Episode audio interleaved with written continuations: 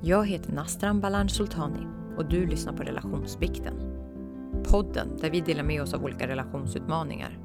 Vi pratar även om relationer till dig själv, din partner, professionellt och andra. Det här är den totalt ärliga podden som baseras på äkta relationer med dess ups and downs, sårbarhet och dysfunktion. I dagens avsnitt pratar vi om hur man löser alla slags konflikter. Vi går in på vår senaste konflikt som handlade om orespekt och hänsynslöst beteende. Vi delar också med oss av flera superverktyg som ni kan använda er av för att lösa konflikter hemma, på jobbet eller med vänner. Varmt välkomna! Idag ska vi prata om konflikter, älskling. Konflikter. Och vi tänkte ju prata om konflikter i allmänhet, inte särskilt nödvändigtvis, nödvändigtvis konflikter i relationer med sin partner, utan det kan vara konflikter på jobbet, det kan vara konflikter med vänner, familjemedlemmar, relation och så vidare. Konflikter i allmänhet. Vi tog ju upp lite om det när vi pratade om att pausa relationer och att de kan vara baserade i att man har haft en konflikt som man uh, som har blivit så stor att man känner att man vill pausa. Ja, precis. Och att jag tog upp lite exempel i mitt liv där jag hade valt att pausa relationer och, och att du också hade gjort det. Mm. Um, och eh, för vi, vi alltså, redan efter det avsnitt så pratade vi om vad är en konflikt. Så släppte vi det. Men häromdagen så tänkte vi att det kanske är ett intressant ämne ändå. Mm. Vad är en konflikt? För konflikter behöver inte bara vara dåliga. Nej, Eller? verkligen inte. Mm. Vad skulle du säga, så här, vad är en konflikt och varför blir det konflikter? Um, när jag läste socialpsykologi nu så fick jag lära mig en sak och jag tycker det var ganska intressant. Jag har inte sett på det så. Uh, utan att, så då, då pratar man om konflikt om att det handlar om att man är två eller flera parter, men oftast två parter då, som har till synes oförenliga mål. Och då uppstår en konflikt, att den ena blockerar den andra på något sätt, så att frustration uppstår. Um, och jag älskade till synes. Jag tycker Mm. den var intressant. Jag tror vi har nämnt det tidigare i podden också, att det är till synes som är det intressanta i konflikten. Mm. För att det behöver inte ens vara så att det är det, utan att bara den ena parten känner det och den andra parten kanske upplevs vara en, en sån som blockerar den parten. Ja, jag tycker i alla fall det var intressant. Ja, att, för det kan ju eh, vara som så att man tycker likadant till och med, men att man kommunicerar på olika sätt som gör att man tror att man tycker olika. Men det kan också vara att man tycker olika helt enkelt. Vad är det för skillnad på en konflikt och en diskussion eller ett bråk, skulle du säga? Är det liksom samma sak? Nej, alltså, man brukar säga att det, det räcker inte att man har olika åsikter eller tycker illa om varandra för att det ska vara en konflikt. Utan det måste finnas en, en blockering av mål. Mm. Annars så finns det ingen konflikt. Det kan vara en konflikt i, i, i stater mellan, mellan stater om ett visst vatten eller någon naturresurs. Men det kan vara en konflikt mellan två personer om hur någonting ska fördelas. Och så finns det olika typer av konflikter. Mhm. Uh, man brukar prata om tre kategorier av konflikter och jag tyckte det var intressant. Jag, skrev ner dem faktiskt Mm. för att jag tänkte att vi kunde ta upp dem. Okej. Och, och då kan man ju liksom försöka kategorisera in oss också i det, tycker jag. För liksom, då finns det en som heter fördelningskonflikt. Mm, intressant. Och i fördelningskonflikten konkurrerar man om något som går att dela upp. Och då handlar det om pengar eller tid eller eh, liksom, hur delar vi upp arbetsuppgifter till exempel. Barnen, är, Barnen. Det, är det en fråga om man är skild till exempel? Ja, precis. Uppmärksamhet. Vad finns det för eh, resurser att tillgå? Finns det, Mm. Vem ska få barnvakt på Mm. sin tid, på den andras tid? Ja, vi har ju ofta egen tid som, eller tid som egentligen konflikt i så fall. Just det. Ja. Ja, men det, det är typiskt en sån här fördelningskonflikt. Vi, Ja. har, vi har en mängd egen tid. Hur fördelas den? En Jag är med på din podd. mängd egen tid. Ja, otroligt liten mängd. Och sen Ja. har vi, nu har vi din podd till exempel ikväll. Mm. En kväll i veckan, ungefär, Mm. så har du en podd och jag, som jag ska vara med på. Mm. Så jag, Jag, jag, ser det här som vår podd, men ja. Ja, jag ser det som din podd. Att jag hjälper till mycket, så mycket jag kan. Ja. Ja, men, men Ja. alltså, och då ska jag liksom vara här. Mm. eh, på min tid och ställa upp för din tid. Ja. Jag ställer upp på någonting som du brinner för och jag tycker det är bra och vill stötta såklart. Men ändå. Men du förstår vad jag menar. Så det är fördelningskonflikt. Mm. Uh, sen finns det den här positionskonflikt. Då, då, då handlar det om någonting som inte går att dela riktigt. Så man slåss om en position. Man slåss om en...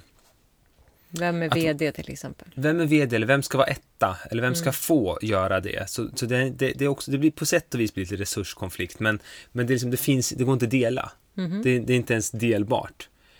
Och de är lite svårare kan man säga generellt sett att lösa eh, om man sitter fast i sitt... Om båda Tänk. verkligen vill ha det menar du? Ja, precis. Om det bara Mm. finns ett jobb och vi båda vill ha jobbet. Och då skulle man ju kunna börja titta på eh, Finns det någon gagn att den andra får positionen? Mm. Ibland brukar jag höra bland mina klienter att de tittar på sina vänner lite grann runt omkring sig och kollegor som får vissa positioner och känner att slaget är förlorat.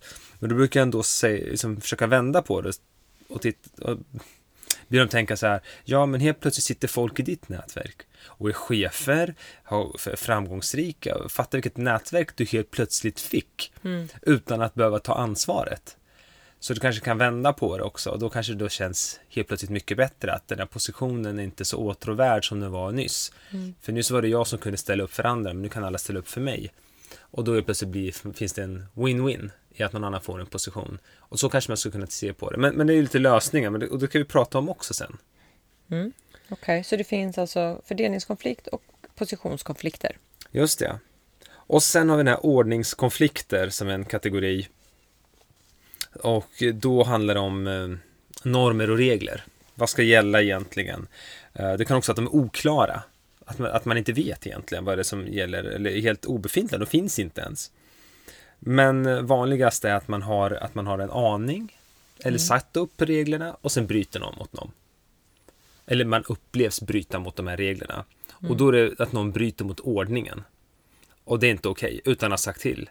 Och då kan det vara sånt som, vad ska vi ta, alltså principer. Det kan vara ett visst sätt man har gjort saker på, en kutym. Eh, Eller vår- som vi diskuterade förra veckan, otroheten att våra regler var de här. Skulle det vara en sån ordnings... Precis, Ja. att vi har en viss kultur eller vissa värderingar och jag bryter mot dem på ett visst sätt. Då kan det uppstå konflikt för att jag upplevs bryta mot överenskommelser. Mm. Jag bryter mot en ordning som vi har Mm. som är allmänt rådande mellan Eller oss. som Eller, statsordningen, att man bryter mot lagar. Och... Precis, och då uppstår konflikter. Så fort någon bryter mot lagen Mm. så uppstår konflikter mellan den, den som upprätthåller lagen och vill ha lag, staten då, Mm. Okej. och den som bryter.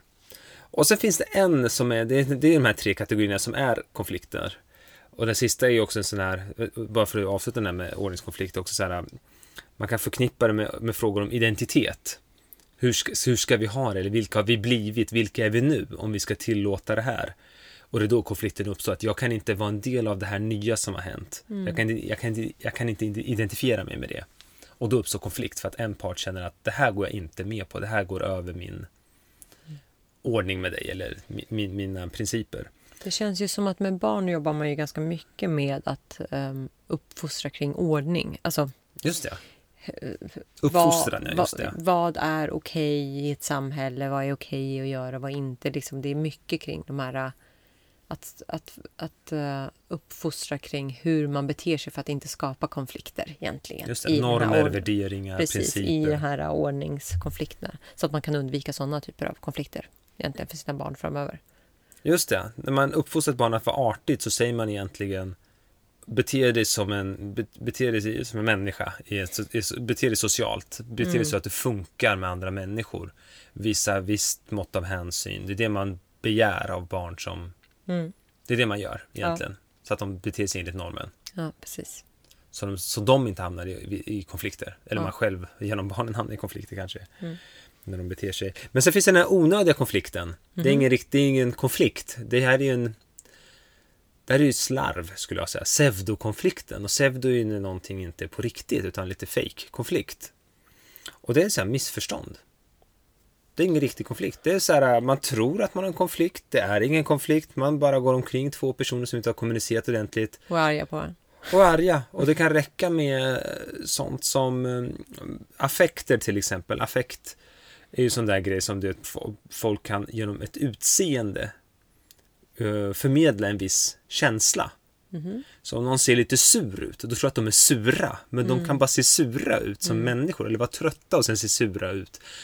Och så kan jag ta det personligt. Och sen plötsligt har vi en liten minikonflikt som börjar gro, så när den säger något, då färgar jag det med Nu är du sur och sen sa du det där. Vad fan menar du? Istället Men handlar det inte ja. ganska mycket då om projiceringar? Att jag liksom läser in saker eller att jag kanske kä- känner någonting och så projicerar jag till den andra personen och så skapar man liksom någonting bara därför.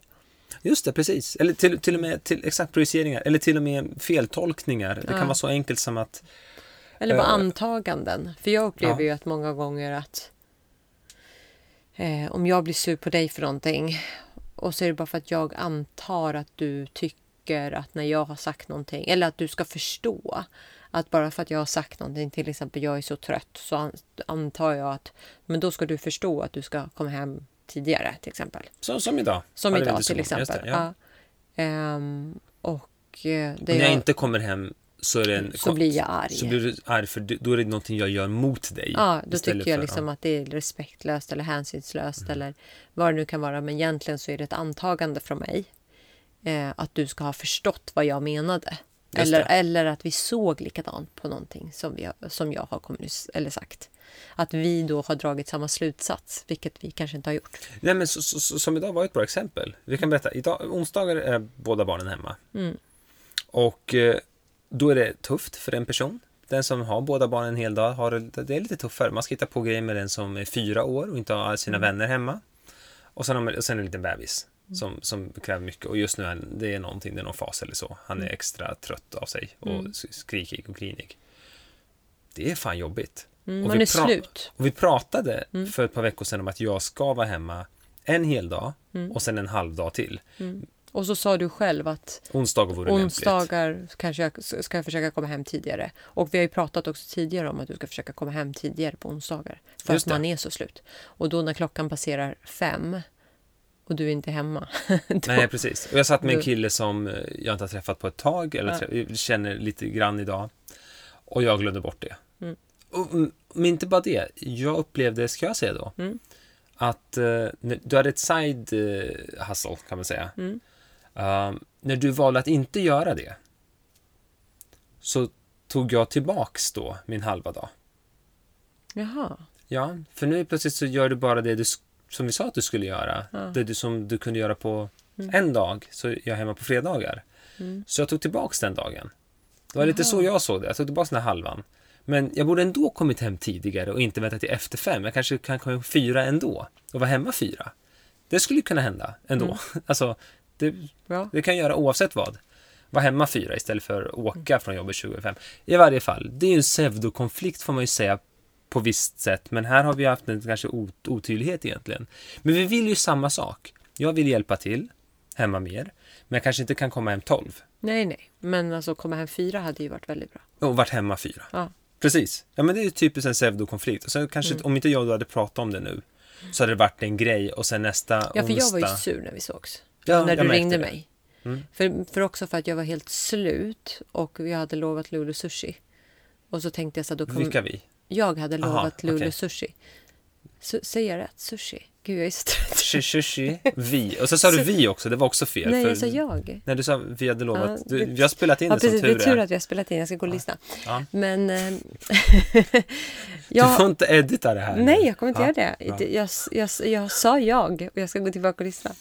Eh, men jag hade lovat henne det och då tänkte jag att då köper du det på vägen hem. Men för vår lille son var också super, super trött så jag behövde lägga honom tidigare. Och då när du inte ens svarar på telefon eller sms. Precis. Då, vet du vad mina tankar gick då? Ja, berätta. Då började jag tänka så här. Tänk om det här varit jätteallvarligt. Tänk om vi är på väg till sjukhuset. Tänk om någon är döende och min man inte svarar när jag ringer tredje gången på raken. Tredje gången. Ringde du tre gånger? Tre gånger ringde jag. Ja, wow, det... Eller jag tror det i alla fall. Att, jo, jag ringde åtminstone två gånger och så, så skickade jag ett sms också. Okej. Okej, Det- jag måste kolla upp där om det stämmer eller så. Men, men men- det är säkert så.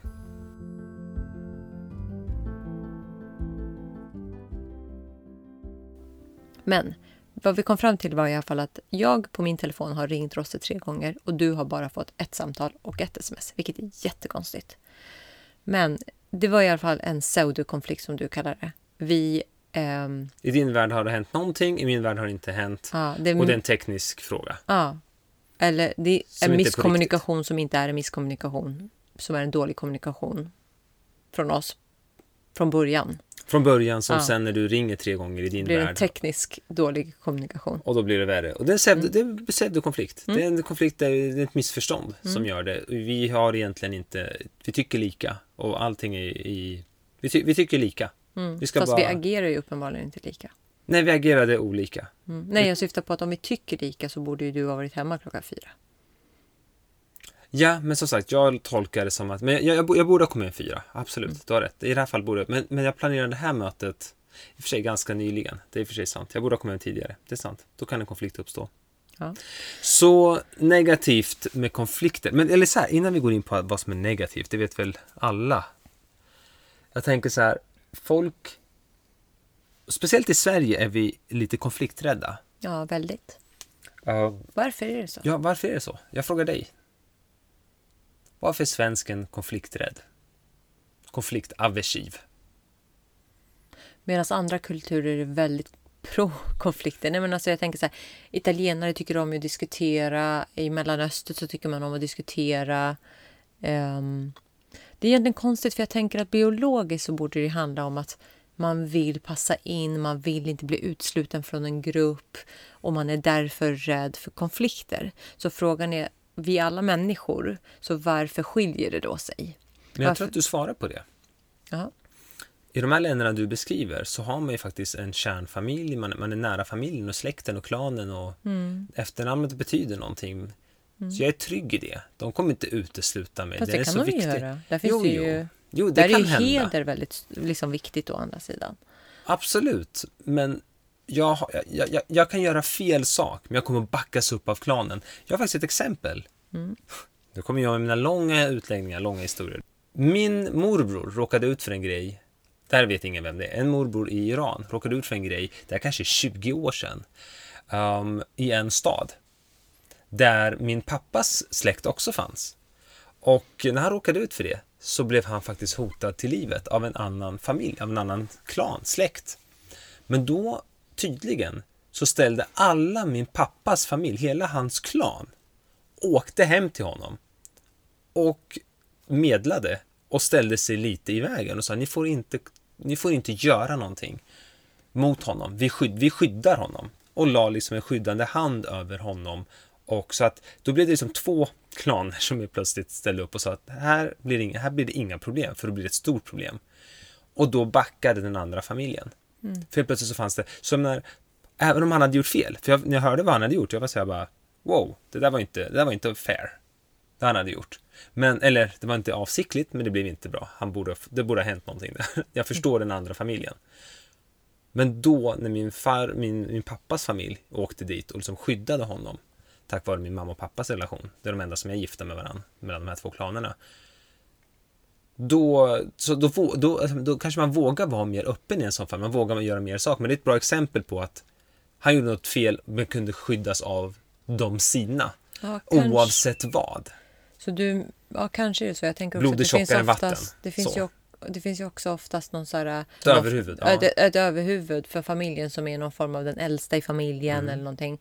Som också är, agerar medlare. För att hålla ihop många gånger familjer. Så när den här, det här överhuvudet försvinner eller det inte finns ett tydligt överhuvud, huvud, då kan det också dyka upp väldigt mycket mer konflikter. Men då är frågan så här, så du menar att i Sverige, eller din, din teori är att i Sverige så är inte familjerelationerna lika starka. Just ja. Och därför så är man Norra mer, Europa generellt. så därför säga. är man mer konflikträdd för att man är rädd att bli utesluten från den lilla familjen man har. Den lilla familj man har plus att eh, vänner och bekanta, jag menar det är bara vänner och bekanta, blod är inte tjockare än vatten. Man kan ju byta vänner. Det är mer okej att byta vänner. Men här blir ju vänskapsrelationerna starkare än vad de är. Alltså, Men varför är det som så att klimat, alltså när det, när det är kallare, vad, vad beror det på då? Finns det någon relation där, korrelation där? ja, ingen aning. Jag tänker så här att, att i, där det är varmare så är man utomhus mycket mer. Om man är argare. Nej, nej, precis. nej, men man är utomhus mycket Blodet mer. Man, man, man träffar på människor mycket mer, man diskuterar mycket mer. Medan Mm. i kallare klimat så är man hemma mycket mer för att det är kallt. Så man, man träffar inte på människor på samma sätt. Kanske. Det blir inte att man står och diskuterar saker på samma sätt.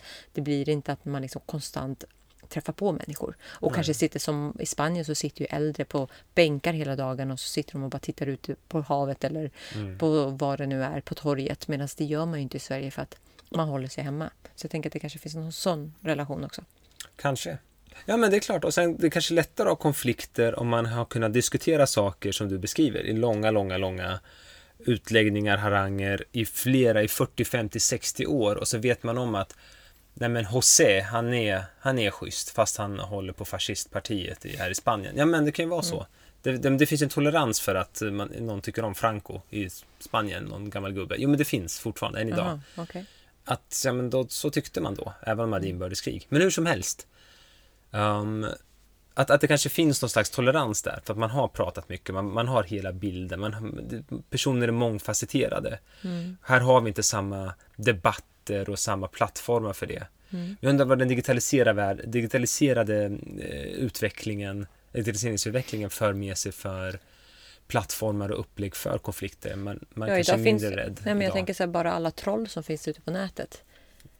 Liksom möjligheten att vara anonym. Det, uppenbarligen är ju inte vi i Sverige Åsiktslösa, nej. Nej, verkligen inte. Och vi, inte, vi drar oss inte för att ha åsikter. Det känns som att sociala medier har ju tillåtit folk att tycka mycket mer och tycka saker mycket starkare. För att dels kan man skydda sig, man behöver inte ta det face to face. Och många gånger kan folk också vara anonyma. Eh, så det verkar ju definitivt finnas åsikter, men man har hållit dem för sig själv. Arg kurd 123. Det är inte jag förresten.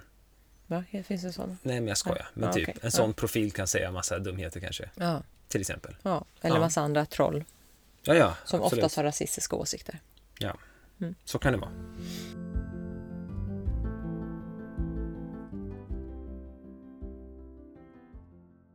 Ja, så kan, så, kan, så kan det säkert vara. Men så, så, vad finns det? Det finns en lång lista då med negativa, negativa saker.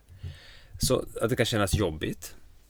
Ja, precis. om. Varför är det så himla negativt med konflikter? Vad, vad är det som gör att man drar sig från det? det? Vi var inne på det här med att bli utesluten. Men sen är det också jobbigt. Det är klart att det är jobbigt att ha konflikt med folk. Man, eller man, jag, skulle, jag tycker inte att det är roligt att Liksom, speciellt med människor som betyder någonting eller när det betyder någonting. För det är de man främst har konflikt I så fall det är de som det är jobbigt att ha konflikter med. Att liksom eh, känslan av att vara oense, få den här ångest, känslan av att kanske ha gjort orätt eller liksom sårat någon eller Ja, det är massa negativa affekter eh, som är förknippade med det. ja, stress i kroppen. Alltså det kommer Ja. ju mycket som är negativt. Eller det händer ju mycket i ens kropp som inte känns så roligt under de tillfällen. När Och det bara- påverkar såklart humöret, ja. de här affekterna. Men, men, men det är också det vi pratade om förut, att frustrationen som uppstår när du är på väg till någonting, men sen är nå- du upplever att någon annan blockar dig från att nå det målet. Mm. Bara det, frustration, Mm. det är en av de värsta känslorna. Att du, om det inte vore för det så skulle jag ha. Ja. Och då blir du så jättesur på det, vad För det jag tänker är. till exempel i ett jobbsammanhang där man ska uppnå någonting och så har jag kanske en stark bild av exakt hur vi ska göra och någon annan som kanske har lika mycket att säga till om har en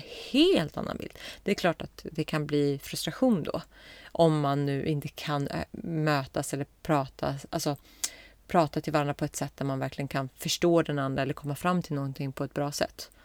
Jag har faktiskt aldrig nu när jag tänker efter, det är inte som så att jag har varit med om det jättemånga gånger. Jag tycker oftast att folk är ganska vettiga och det går att prata med folk. Men det finns ju definitivt tillfällen där kanske folk inte är så vettiga eller schyssta. Ehm, Ja, men i storbolag finns oftast politik till exempel. Det Mm. finns massa chefer som ska upp och liksom visa Mm. att de eh, kissar in sitt revir liksom på olika sätt. mm. Och det kan vara enormt frustrerande för de som har fått som har kreativa ådror, som har någonting att komma med, som blir stoppade av onödiga saker som politik eller någon som eh, är f- förorättad eller måste säga sitt och sen Mm. så blir det stopp på grund av någon egen principgrej. Så det är klart, det måste finnas massa frustration. Mm. Och det kan också leda till en annan grej. Um, konflikter att, eh, då, som vi var inne på, pauser relationer. Mm. Man förlorar en vän, man eh, förlorar kanske en familjemedlem till och med. Eller måste pausa relationen. Konflikten leder till det till slut att det går liksom inte att lösa. Vi är Nej. så långt ifrån varandra i den här frågan Mm. om en norm, exempelvis. Ja, så att det, det och går liksom inte. konflikter med allt för stora egon kan ju också leda till världskrig. Det har vi ju sett Eller liksom gängkrig eller mellan folk och så. Såklart. Mm. Okej, okay. så... Men jag tänker så här att oavsett så är det, alltså det är en sak om det är jobb och man diskuterar saker. Jag tror alltid att det är värt det är viktigt också att våga ta konflikter även i jobb. Men jag tänker speciellt i relationer och med vänner och så. Är det värderingsstyrda saker så är det jätteviktigt att ta de konflikterna. För annars upplever jag att vågar man inte ta dem för, eller jag tror så här, dels måste man fundera på varför känner jag som jag gör? Varför har jag det här motståndet eller vad det nu kan vara? Om det handlar om en projicering från mig eller handlar det om att jag känner någon form av avundsjuka eller känner, är det liksom något annat som ligger hos mig, men då är det en sak. Eller är det till och med någonting som jag inte ens bör ha en åsikt om? Hur en annan människa väljer att leva sitt liv. Ja, men vad väljer du för partner? Ja, jag kanske inte tycker om det. Men jag kan ju välja att vara ärlig och säga jag vill inte vara del av det eller jag vill inte umgås med den här personen eller vad det kan vara. Men är det däremot någonting som verkligen ens vän eller en partner gör som går emot mina värderingar, ja men då måste man ju ta upp det för annars är det ju ändå bara en oärlig relation. Det kommer inte funka, tänker jag. Alltså funkar det så, så, så tar ju du, alltså du tummar ju på din egen självrespekt och din egen integritet. Ja, för någonting som inte är värt det egentligen. För att Nej. den här relationen vill du ändå inte ha och den Nej, är inte den ärlig. blir inte ärlig. Nej, så du håller på att förgöra dig själv. Exakt, mm. du förgör dig själv för något som, som inte är värt det i slutändan. Mm. Det blir dubbel bestraffning av sig själv. Men så är det klart, man måste balansera det med om man verkligen måste lyfta allting. Är det, är det jag som är problemet? Mm. Är det en konflikt för att jag tycker att det är en konflikt? Är det jag som inte vill kompromissa? Mm. Är det mitt ego som blir sårat? Mm. Eller vad är det egentligen? Um, ja, men däremot så finns det ju massa positiva saker med konflikter också. Det är så lätt att liksom tänka att konflikter alltid är neg negativt, men det finns ju faktiskt mycket positivt med konflikter också. Just det, och här finns ju faktiskt en, en bok som båda vi två tycker är väldigt bra. Tydligen Klarna använder sig av väldigt mycket också. Jaha, ja just det, det läste jag också. Five Dysfunctions of a Team, eh, mm. Lencioni, Patrick Lencioni som har skrivit där han har en pyramid som han utgår ifrån. Jag vet inte hur vetenskaplig baserad boken är, men den är faktiskt väldigt bra. Jag har, gjort, jag har faktiskt använt den boken i teamcoaching med företagsledningar ja. och ägargrupper. Och har den har funkat väldigt bra. Den är väldigt lätt att ta till sig av. Mm. Det är bland de bästa ledarskapsböcker jag har läst. Det är alltså, det? Ja, ja, Jag tycker att den boken är så enkel. Ja, ja. För det är en fiktiv historia. Det är inte så bara massa teorier utan de tar ett case, ett fall som man får följa. Eh, otroligt enkel, bra, eh, lättläst bok. Precis, och där så har han en take på konflikt som börjar först och främst med tillit och eh, förtroende för varandra. Att man mm. börjar, man grundar med att man, man, man, man, får ha, man får vara öppen om sina svagheter, sårbarhet som en grund kan man säga. Och på det i nästa steg då, har man det, då är det lätt att ha konflikter och konflikter kan vara någonting positivt. Mm, för man litar på teamet, man litar på att man kan vara sårbar, man litar på att det är okej okay att yttra eh, åsikter. Eh, man blir liksom inte utesluten, man blir, det, faller inte, det faller inte bara utan det är faktiskt någon som kommer fånga upp det man har att säga och respektera det man har att säga. Just det. Exakt, mm. och, då, och, då, vågar man vädra ut dålig luft för då kan mm. man prata om den och säga att här, här inne är det dålig luft just nu, ska vi öppna, ska vi öppna fönstret? Mm. Men då kan man prata om den att båda sitter och låtsas som att det inte luktar illa. Mm. Och det är väl det som blir att konflikten kan liksom vädras för jag känner mig trygg, Mm. Det är ett safe space och jag kan ha tillit till att ingen kommer utnyttja att jag var sårbar. Mm. För det, grunden är tillit. Ja, för jag tänker så här, om man inte väljer att prata om saker och ting, alltså säg bara i en vänskapsrelation eller en parrelation eller vad det kan vara. Om jag inte väljer att ta upp någonting som jag tycker är jobbigt, om det verkligen ligger i någonting som jag tycker är jobbigt, inte att det är någon eget, något som ligger hos mig. Um, gör jag inte det, vad, vilket värde sätter jag på relationen då? Just då ja. prioriterar jag inte den här relationen. Då tycker jag inte det är viktigt att jobba på den. För att, vad, kommer, vad kommer hända? Jo, jag kommer antingen dra mig undan eller så kommer det vara en oärlig relation som jag känner inte är så djup till exempel. Och är det fine så är det ju fine. Medan jag tänker att om man verkligen tar sig tiden att prata om någonting som är en konflikt så kommer det leda till två saker förmodligen. Eller tre kan ju hända. Men det ena är att vi kan också förstå varandra och vi kan komma varandra mycket närmre. Det kan vara någonting som vi inser att oj, vi kommunicerade helt fel här med varandra. Vi tycker samma sak men vi har kommunicerat på fel sätt.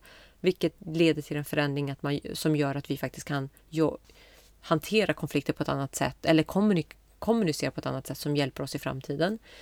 Eh, det kan också vara att man ser, för, lär känna den andra bättre. Man förstår den andras perspektiv, vilket ger liksom massa nytt till en själv. Så jag, jag, jag tänker att det kan ju bara vara bra. Eh, och är det som så att man inte kan lösa den konflikten, man ser inte på saker likadant, ja men var inte det bra att lyfta också då? Mm. Nej, jag, jag håller helt med dig. För annars är det bara en, en Facebook-kontakt du tar bort. Mm. Det är en axelryckning. Mm. Och är det det, är det det din vän är? En axelryckning? Att du bara, ah, det här är inte värt att ta konflikten för. Mm. För det, det, alltså det blir som att det du vågar lägga ner, den, den rädsla du vågar möta är ju respekt också att visa mm. att det här är skitjobbigt men jag mm. tycker det är värt att det är lite jobbigt för vad vackert vi skulle kunna ha det. Det är inte bara en Facebook-kontakt att ta bort. Det är så jag menar. Liksom, så bara... Ja, och vågar man inte ta upp konflikten av andra anledningar, att man känner att den här personen kommer aldrig kunna ta den här kritiken eller kommer inte falla bra. Ja, men igen, eh, vad är det för typ av relation då? Tänker jag. Men jag tänker också så här, i ett jobbsammanhang så kan det finnas också jättemycket positivt med att ha konflikter. Absolut, och det är väl det Patrick Lencioni är väldigt mycket, han, han tar mycket jobb, jobb som exempel, men alla de där exemplen kan användas för vängrupper eller kompisar, eller kan jag säga, eller andra relationer. Mm. Uh, och, och, och, och där så, så, tar man det då från det här negativa till det positiva. Och det finns ju en, en modell som också som kallas ABC-modellen. Som mm. är en eh, fredsforskare, Johan Galtung, som har tagit fram. Och eh, den säger att alla konflikter är ganska likartade och har tre sidor. Det är som en triangel, tänker A, B, C hörn i en triangel. Och då är så A står för attityder, B står för beteende och C för conflict. Alltså konflikt, det har varit ett ABK på svenska men C mm. för conflict. Och, och det, det, här är liksom vilka bråk som helst eller konflikter som helst. Det kan vara världskrig eller bråk mellan två parter bara, eh, eller två partners bara. Och man ska egentligen alltid börja med C-hörnet här tydligen, för det är konfliktens kärna. Mm -hmm. Var består uh, sakfrågan? Har man oförenliga mål? Tror man att man har det? Uh, man, ser, man tycker till exempel att man ska ha lite mer egen tid i vårt fall. Vi ska ta den frågan. Um, hur ska den fördelas egentligen? Så mm. vad är kärnfrågan? Vad är, det vi, vad är det vi ska tjafsa om egentligen? Kan man lösa det i C, på C, konfliktnivå redan när man pratar om själva frågan? För man kanske tycker lika. Mm. Så man inte hamnar i den här pseudokonflikten som eskalerar till en attitydkonflikt istället som vi kommer till vad A är då. De har vunnit jättemycket, för då är vi inte nere på taskiga beteenden. Eller och till slut hamnar i dåliga attityder med varandra också. Handlar det om att man då är väldigt saklig och bara konstruktiv kring konflikten? Att man Precis. håller det sig, man går inte in liksom i personangrepp liksom. Nej, precis. Man sätter nästan konflikt, man sätter, man sätter konflikten i centrum och pratar. Du vet när man brukar säga att ska vi sätta oss vid samma sida av bordet lite grann? Mm. Vi kommer in på en, en, en jätteintressant övning sen också. Mm. Uh, man sitter på samma sida av bordet och tittar på konflikten tillsammans. Det är ett sätt att liksom känna att vi är på samma sida nu. Det är ett sätt att göra det på. Liksom. Mm. Um, så i C-hörnet finns de som, slags, som sagt de här så principer man på och mm. själva saken. Exakt. Mm. Och så finns det B-hörnet och det, då är det beteendet. Och då kan det vara liksom att man tjafsar egentligen eller att man beter sig på ett visst sätt som inte är okej. Uh, man, man, det kan vara någon fientlig handling, ta sista mm. godiset. Utan att fråga om vill du också smaka. Så det handlar om en, att man upplever att någon inte kanske är hänsynsfull eller liksom kärleksfull eller du pratar respektlöst till mig eller du är aggressiv eller vad det nu skulle kunna vara. Precis. Ja. Och vet vi då varför du skulle kunna tänkas vara det? Om man går till C. Mm. Då kanske du kan sluta med beteendet snabbare för då vet du att det bottnar sig i den här konflikten som inte är löst och det ut, det utspelar sig eller det, det manifesterar sig genom det här beteendet på något sätt. Mm. Um, och, och det här, det här är ju samt, det här beteendet kan ju till och med leda till fysiskt våld. um, i sån här, man läser om sån här, du vet, tvättstugegräl i orten. som, I ort. Ja, men, ja, men, ja, men som ballar ur. Ja. Och sen blir det en stor grej av det. Istället Vad för var det att... eh, för uh, sketch vi brukade titta på? Nej, det var ju han um, Thor Radio. Ja, Han- Thor han- Radio, han när de har bråkar i tvättstugan, ja. Bråkar i tvättstugan. Just det, det är ju skitkul ju. Hon, ja det är i alla Ja, fall, ja, det. Thor Den var Radio. jätterolig. Den måste vi lyssna på. Det var länge sedan. Det var jätte, ja det är ju kul, Mm. det var typ så här, bråk i tvättstugan och sen härmar de typ tjonar. Det är Ja. jättekul. Jag Ja. tycker det var skitkul. Ja. Och så finns det A-hörnet då, attityder. A som är attityd. Um, och det är liksom um, tankar. Pro, o, så projicerade önskemål, icke-projicerade önskemål. Uh, outtalade saker. Att man har olika sin- Antaganden. Antaganden, ja Mm. bra. A som är antaganden, A som är attityd. Nej, men, eh, att man har väldigt olika syn. Och eh, blir C inte behandlat, konflikten inte behandlad, då, blir, då, då hamnar man ännu längre ifrån varandra i A. Okej. Alltså man får ännu svårare att förstå varandra. Att Så, vi hur, tycker så, ännu hur, mer olika. så va? hur använder man sig av de här modellerna? Alltså, man börjar med att liksom först eh, fråga sig, var är vi? Var är vi i A, B, C? Va- Var i ligger problemet? Ligger problemet i liksom konfliktfrågan? Ligger problemet i hur du Beter dig? pratade med mig eller Mm. gjorde det här? Eller ligger det i liksom... hur du överhuvudtaget tänker på, Mm. eller ser på vad som har hänt. Alltså vi tycker inte ens lika om konflikten. Du, ty du tycker inte ens det är konflikt och jag tycker det här är otroligt hänsynslöst. Mm. Det här beteendet, eller, eller, eller din, din åsikt om det här, Mm. vad det här är. Och har man tur så ligger man i C. Mm.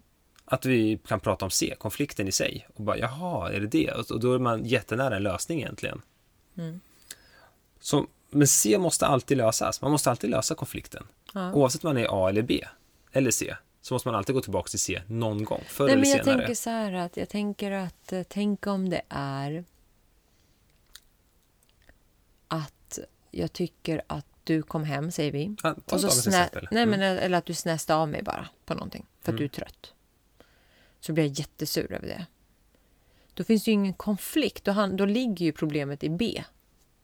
Ja, precis. Men, men, men då kanske du säger så här, så där gör vi inte mot varandra. Ja, men då är det ju då är det väl fortfarande B eller A. Det är väl inte C fortfarande? Jo, men då kanske finns någonting där. Då kanske finns så här, vad, vad finns i C då? Då har vi ju principfrågor. Vi, vi Ja, tror att vi har olika sätt att se på saker. Att vi inte snäser av varandra. Det är en sakfråga. Det, och det är en principfråga också, att så där beter vi oss inte. Så där beter vi oss inte. Mm. Exakt, då blir det en principfråga. Så där beter vi oss inte. Sen vill jag veta varför du betedde dig så. Jag var väldigt trött. Okej, då har vi löst, då har vi löst frågan. Men så där beter vi oss inte. Nej, det är sant. Du Mm. har rätt. Vi beter oss inte så. Jag borde inte ha gjort det. Då, då, då löste vi C Mm. direkt. Men vi kanske måste prata om A. Eller B, förlåt i det här fallet. Beteendet. Blev, Ja. ni, blev ni bortdribblade nu, ni som lyssnar? Så A, B, C. A, B, C. A, Mm. Att attityd. har man, ett, har man en konflikt så kan det vara bra att börja med att titta på vad är konflikten i sig eh, och lösa det där. Alltså att Ja. se hörnet som handlar om konflikten, principfrågorna och så vidare. Eh, annars så kan man gå vidare också till B som är mer beteendet kring det här. Vad är det som, liksom, vad, vad är det som har orsakat eh, de här känslorna? Eh, och sen så kommer man in i A som handlar om attityderna. Precis. precis. Eller, ja, Har man precis. tur så är man i C. Ja. Att man kan prata om C direkt. Ja. Att man inte har kommit till att någon beter sig illa Mm. än. Men oftast manifesterar sig i ett, i ett beteende. Då kan man börja prata där och komma till A. Och Men, ett annat sätt som jag tycker är väldigt bra som jag lärde mig i det här. ehm, första gången jag kom i kontakt med det var en utbildning jag gick, eller en, ja men precis, en utbildning jag gick för många år sedan där jag läste en bok som heter Seven Habits. mm, Då handlar det ju om som det här klassiska coachingverktyget eller klassiska egentligen speglingsverktyget som handlar om att bara spegla vad den andra personen säger. För om jag är upprörd eller du är upprörd Eh, och du liksom pratar med mig, då är det så lätt för mig, och speciellt om någon börjar att vara upprörd, då är det så lätt att gå in i försvar för den andra. Men att istället för att gå i försvar, det bästa man kan göra egentligen är att bara spegla den andra. Okej, du känner dig arg. Ehm, och så fortsätter du säga någonting och så fortsätter jag spegla. Och genom att göra det så ger jag möjligheten för dig att bara prata utom vad som egentligen är grejen. Oftast landar man då i, efter att jag har speglat dig ett antal gånger, så kommer du landa i, oftast i alla fall, i vad egentligen huvudproblemet ligger. Mm, man kommer till roten Ja. genom att själv få prata lite. Precis, U- för om jag börjar gå i försvar då liksom. kommer det börja bli så här att vi bara kastar dynga på varandra. För att ingen är villig att lyssna och ingen, liksom, och ingen känner sig sedd. Eh, och ibland så kan det ju vara liksom väldigt svårt då att när man hamnar i det att man diskuterar så liksom hett eh, och det börjar gå liksom att så långt att det är liksom personangrepp och man börjar bli respektlös mot varandra och till och med så långt att det spelar ingen roll vad du säger nu. Nu handlar det bara om att snäsa av dig. Det handlar, handlar bara om att vinna konflikten. Det handlar bara om att inte vara eniga. Eh, och liksom, det är väldigt lätt att hamna där och jag tycker liksom, vi hamnar ju också där eh, ibland och då tycker jag liksom att då spelar det liksom ingen roll om vi fortsätter. Då, det, eh, jag kan ju uppleva förut, jag har ju hört så här, eh, att man säger så här, man ska aldrig gå och lägga sig osams. Men jag vet inte om, nej det är inget skönt att gå och lägga sig osams. Jag mår inte bra av det, alltså, det, det känns inte bra. Men att bara få en paus gör ibland att man också kan dels lugna sig lite och börja se lite mer klart på det och också verkligen gå tillbaka till, men vänta, vad är det som är grundproblemet här? handlar inte om vad du säger eller hur du säger det, utan vad är grundproblemet? Varför hamnade vi så här långt bort? Och då kan jag tycka att en natts sömn kan till och med vara bra. Så är tricket egentligen bråka inte efter klockan nio hellre. Precis. För nu riskerar ni att ni måste lägga er halv elva när, ni, Osams. när ni är i toppen av konflikten. Liksom. Ja. Nej, men eller bara så här, gå ut och gå en promenad eller sätt er i två olika rum eller bara ta en paus och, eller och meditera eller vad det nu kan vara. Liksom. Men kan man inte göra det då? Man kan lägga sig sams om man faktiskt säger så här, nu är jag så arg, jag måste gå och lägga mig. Då säger man så här, ja men innan Vi vi, lägger oss, vi tar fem minuter paus Ja, och sen kramas vi godnatt. ja, Vi är inte ovänner, men vi är inte överens. Mm. Så pratar vi imorgon. ja. Eller Det bara säga så här, vi kommer inte längre nu. Kan vi vara överens om att vi pausar här och så tar vi vid imorgon? Exakt. Men du är dum i huvudet, jag vill bara säga det. Och sen går man snabbt Och ut andra rummet. slänger igen dörren. Det är det bästa. Hårt. Så att alla vaknar. Okej, minus det sista vi sa. Ja, Det var faktiskt bra. Ja, Ja. bra. Det tyckte jag om. Så, så, så, så på sätt och vis hör jag att vi pratar om att man hjälper varandra då till en gemensam beskrivning. Jag hjälper dig att spegla Mm. genom att jag speglar till exempel. Och på det sättet får du prata färdigt, men jag hjälper dig till den här beskrivningen också. Mm. Genom att det här är vad jag hör när du pratar och det säger jag att jag tänker om det du pratar. Jag Mm. hör det här, jag hör det här, jag hör, hör jag det rätt liksom?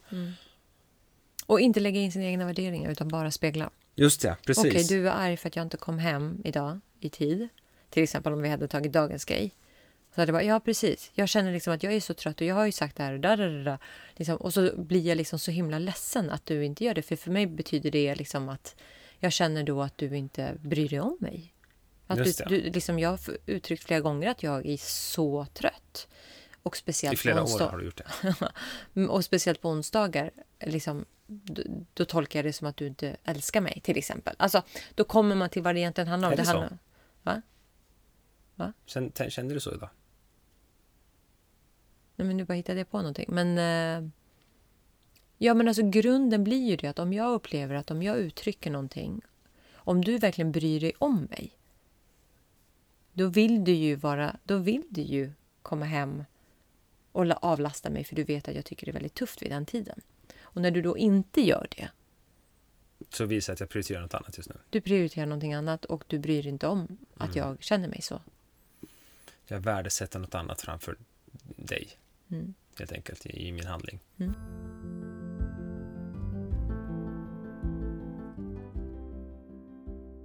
Yes, Alltså, så ja. absolut. Mm. Absolut är det så. Jag kan hålla med. Jag tror också det är viktigt att man väl får ordet där och ska prata om sin...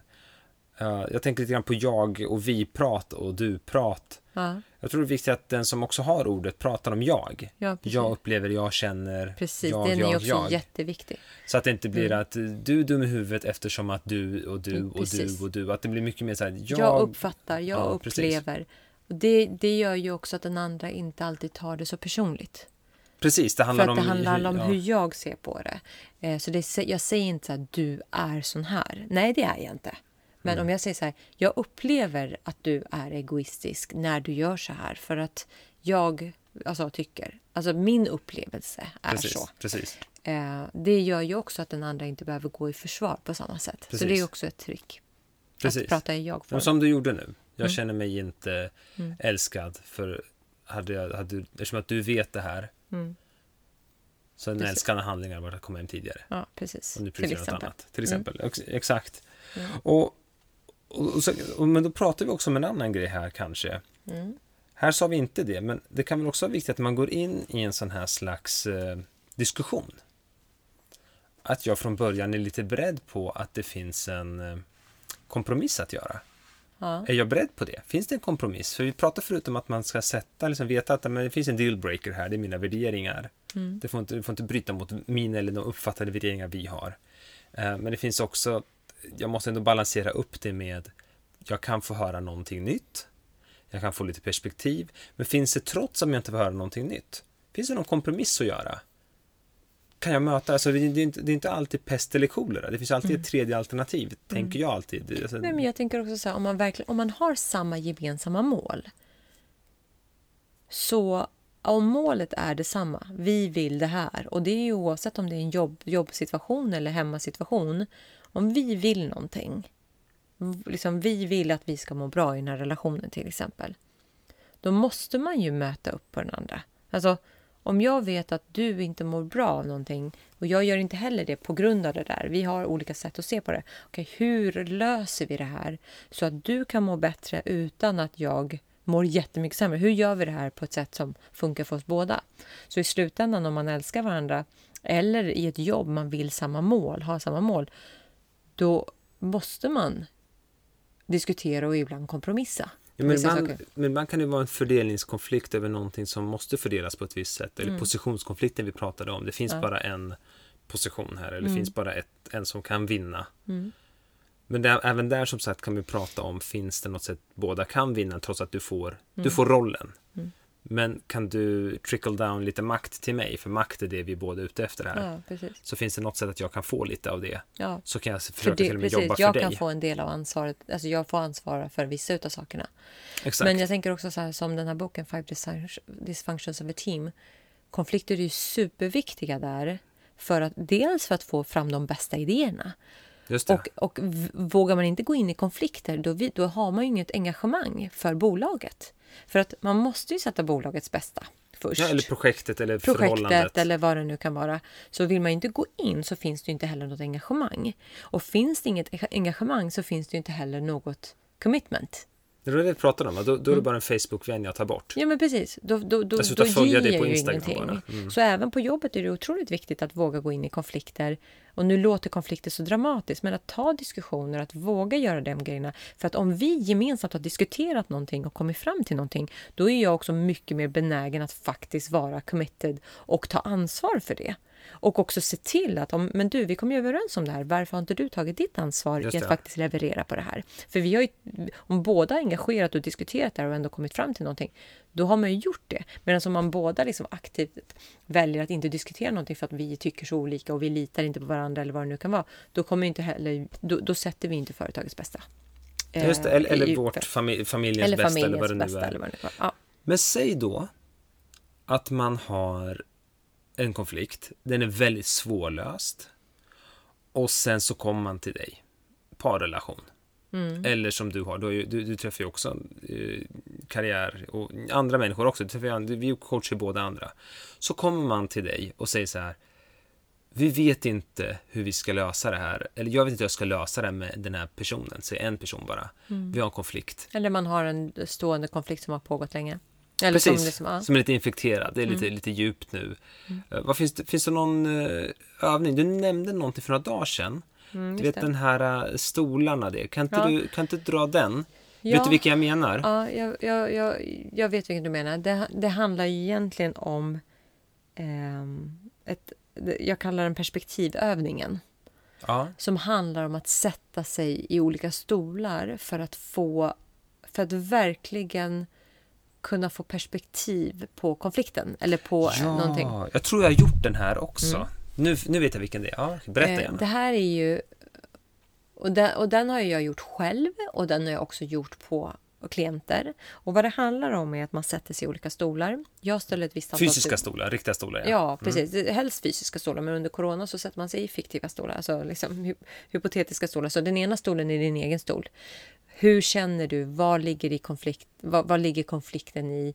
Vad är det som är bra med liksom, eh, er relation? Vad är viktigast för er eller för dig? Eh, hur ser du på den här andra personen? Och så, så liksom man målar upp där. Vad, vad handlar det här egentligen om? Man målar upp allting för den här personen och då får du utgå från dig själv. Sen sätter du i den andra personens stol. Jaha, så i stol ett kallar vi den då? Då är Mm. jag jag. Då är det du. Då är jag och då pratar jag om konflikten från mitt perspektiv. Ja, så du är A, precis stol Mm. ett. Och stol två är då den andra personens perspektiv. Motparten. Ja, och då måste du verkligen sätta dig ner och prata i jag-form. Och när Mm. du gör det, jag känner så här, jag ser på det så här, där, där, där, det gör att du... Jag upplever att det ger en helt annan impact på att kunna få förståelse och eh, liksom mycket mer respekt och också så här ja, men förståelse verkligen för den andra personens sits. Eh, på ett sätt som man inte får om man bara ska prata men jag tror att han känner så. Eller hen- känner så. Om man pratar utifrån jag, det är som att man blir den här personen och också kan känna med på ett helt annat sätt. Det skapar mycket mer empati. Eh, och sen så sätter man sig då också i en tredje stol som handlar om en tredje part som tittar på den här konflikten. Typ en eh, neutral domare, gud, någonting annat. Någon som tittar utifrån. Ja, men precis. Och då, då får den beskriva vad ser man, vad... Eh, liksom, vad är det de här människorna kommer överens om? Vad är det man inte kommer överens om? En bonus pater familia. Precis. Ehm, Förlåt. Och, och, och sen så gör man ytterligare en fjärde person och då handlar det om att den här första personen, du som, ser, som kommer till mig då, som har den här konflikten, får ställa dig utanför och säga, men hur ser andra människor på er konflikt? Så du får reflektera över hur det här ser, eh, hur andra ser på er konflikt. Ja, men vänta, vad är skillnaden mellan tre och fyra? Så trean är en observatör av er två. Det är en utomstående observatör av er. Vad ser den här personen, observatören? Sen får du ställa dig och säga hur tror du att du, Rosbe, som har den här konflikten som var i stol 1, hur tror du att andra ser på er konflikt? Aha, okej. Så då förklarar jag vad person tre ser utan Ja. att vara person tre. Ja, precis. Och Lite också så. du får berätta lite mer så här, vad tror du att andra skulle vilja att ni gjorde och så vidare. Aha, det är ju vasst. Den är väldigt bra. Så jag tycker att den här övningen är otroligt bra. Eh, Den här skulle man nästan kunna göra själv, men då måste man ju faktiskt ta sitt ansvar. Ja, den är svår att göra själv för man vill ha någon som verkligen ställer de här frågorna och man behöver bara få vara i den här. För visst är det Personen. ett, en, en viss uppsättning frågor som är Ja. Mm. är extra bra dessutom. Just det. Ja. Nej, men så jag tycker Ja. den övningen är jättebra. Eh, Kan man göra bara den övningen med dig? Om man skulle vilja bara komma med en konflikt och typ, ja men man kanske inte vill gå ett halvår hos dig för att göra den här övningen. Man kanske bara vill, man vill ha tre möten. ja, ja, det är klart att det går att ha ja. färre möten, men jag tror att det är svårt att bara göra den här övningen. Alltså det är klart att jag kan göra den. Du, du måste ju veta vad konflikten handlar om egentligen, egentligen. Ja. Men okej, men jag tänkte bara så här, för att det vore så synd om folk där ute känner att de har en konflikt och skulle vilja ha, okej, det finns inga quick fix på saker till, men det här låter lite grann som att man kommer leaps forward. Mm. Att man hamnar mycket mer utanför konflikten om man får göra den här övningen med någon som är kompetent och handleder den. Ja, precis. Um, så vi talade lite grann om dagens konflikt, Mm. pseudo, Mm. men också eh, bottnad i en värderingskonflikt lite grann. Mm. Uh, men det var ju lite missförstånd märkte vi. Mm. Men det var en Och tekniskt tekni- missförstånd. tekniskt missförstånd. Det Eh, var väldigt intressant. Det här är faktiskt andra gången. Jag ringde också en annan en vän och före detta kollega för eh, om- häromdagen och hade ringt då på kvällen på Facetime. Och den här personen hade inte ens det i sin mobil, att jag hade ringt. Nej. Det är jättekonstigt. Och det var lite samma sak nu, att jag har ringt dig och det inte ens dyker upp hos dig. Ja. Det är ganska bra att veta. Så då kan jag alltså ringa dig så här 20 gånger. Nej men alltså det är superkonstigt. ja. Ja, anyways, det var Ja, inte det det, är vi weird. skulle prata om. Men så, så egentligen, ehm, vi har ju pratat lite om vad, vad konflikter är. Eh, de olika typerna av konflikter vi var inne på. Eh, som handlade om fördelningskonflikter, positionskonflikter och också ordningskonflikter som vi var inne på. Vi har också pratat om eh, varför vi tror konflikter, liksom, var, varför finns de? Varför, varför liksom, är man så emot konflikter? Eh, vad är negativt egentligen med konflikter? Men också vad är positivt med konflikter? Varför kan det vara, faktiskt vara bra att ta tag i en konflikt? Och vi har ju pratat om allt ifrån att engagemang, commitment till att det faktiskt leder till något gott och att om man inte gör det, vad är det för relation till att börja med? Och eh, är det inte en tillräckligt bra relation att ens satsa, eh, satsa på? För någonstans är det en viktig relation, då tar man också konflikter, för då är de värda att ta. Eh, och sen har du varit inne på den här ABC-modellen på liksom hur Galtung, man kan, hur Johan man kan försöka lösa konflikter, det vill säga vilket hörn av den här triangeln man ska börja på. Eh, Attityd, beteende, conflict. Precis. Attitude, behavior, conflict. Precis. Och sen också att vi har pratat om det här med spegling. Eh, att det kan vara ett sätt och att man alltid ska prata utifrån jag och inte du är sån här, utan jag upplever, jag känner. Ut, ut, eh, liksom, eh, prata utifrån sig själv. Den som speglar kan ju prata du. Jag upplever Mm. att du så, så, så. Jag upplever att det du säger är. Ja, precis. att eller bara som- spegel. Och ett annat sätt är ju också att verkligen bara spegla vad den säger. Inte säga jag upplever, utan bara säga så här. Ja, eller sammanfatta egentligen. Så Eh, jag, jag du är dig. arg, okej. Du är arg för da da da. Alltså Mm. att man bara speglar. Eh, och sen sist men inte minst så pratade vi också om den här eh, coachingverktyget som handlar lite om eh, perspektiv, eh, mm, liksom metoden. Stolarna. Ja, stolarna. Precis, att man sätter sig i olika stolar. Eh, är det något annat? Nej, jag tror inte det. Vi har nämnt Five Dysfunctions of a Team. Patrick Lencioni heter han. Mm, seven habits. Seven som, är mycket, Habits. som, handlar, som inte nödvändigtvis är konflikt utan man lär sig massa saker i den. Men då var det det här med speglingen. Är det någonting som du tänker på att vi har eh, glömt här som, är, eh, som vi behöver ta upp mer? Nej. Steven Habits har skrivit av Covey. Covey stavas C-O-V-E-Y. Mm. Det är en grym bok. Mm. Ska jag, säga. jag har inte ens läst hela än. Bara, jag har läst halva två gånger typ. Men bara det är fantastiskt. Den är lite mastig tycker jag. Det är mycket innehåll per Det handlar ju kapitel. lite om att lära känna sig själv. Ja, jag tycker den är helt och också fantastisk. massa verktyg för hur man ska jobba mycket mer um, hållbart. Mm. Nej, den är helt fantastisk. Jag borde läsa andra halvan. Jag skulle vara en grymmare coach om jag gjorde det. Det bara vet jag. Ja, men den är super. Jag, jag kommer ihåg att det här är en av de coacher som, eller coach, en av de kurser som har varit bland de bästa kurser jag har gått i alla fall. Men den gick jag väldigt, väldigt tidigt i min karriär. Stephen Covey. Ja. Grymt! eh, Konflikter. Ja, De är bra. Hopp, om man vill. hoppas eh, ni fick med er någonting idag av det här. Ehm, våga ta konflikter. Våga vara sydeuropeer. och våga inte bara ta konflikter bakom anonyma eh, nät, Trollkonton. Kurdisk pojke 123. Okej, nu hittar du. du är så konstig. Tänk om det finns en sån som säger hemska grejer. Sen tror folk att det är jag. Varför Det skulle är inte jag. det? Och varför skulle du just vara kurd? För att jag är kurd. Ja, okej. Alltså jag skämtar om att det är jag, men det- det är inte jag. Jag, jag, jag gör inte sånt. Jag, jag är ärlig. Mm. Jag är så himla ärlig. Mm. Vi hoppas det. jag är det. Så vi vet. Okej, tack för idag. Tack för idag. Ha det så fint. Vi Hej. hörs snart igen. Hej då. Hej.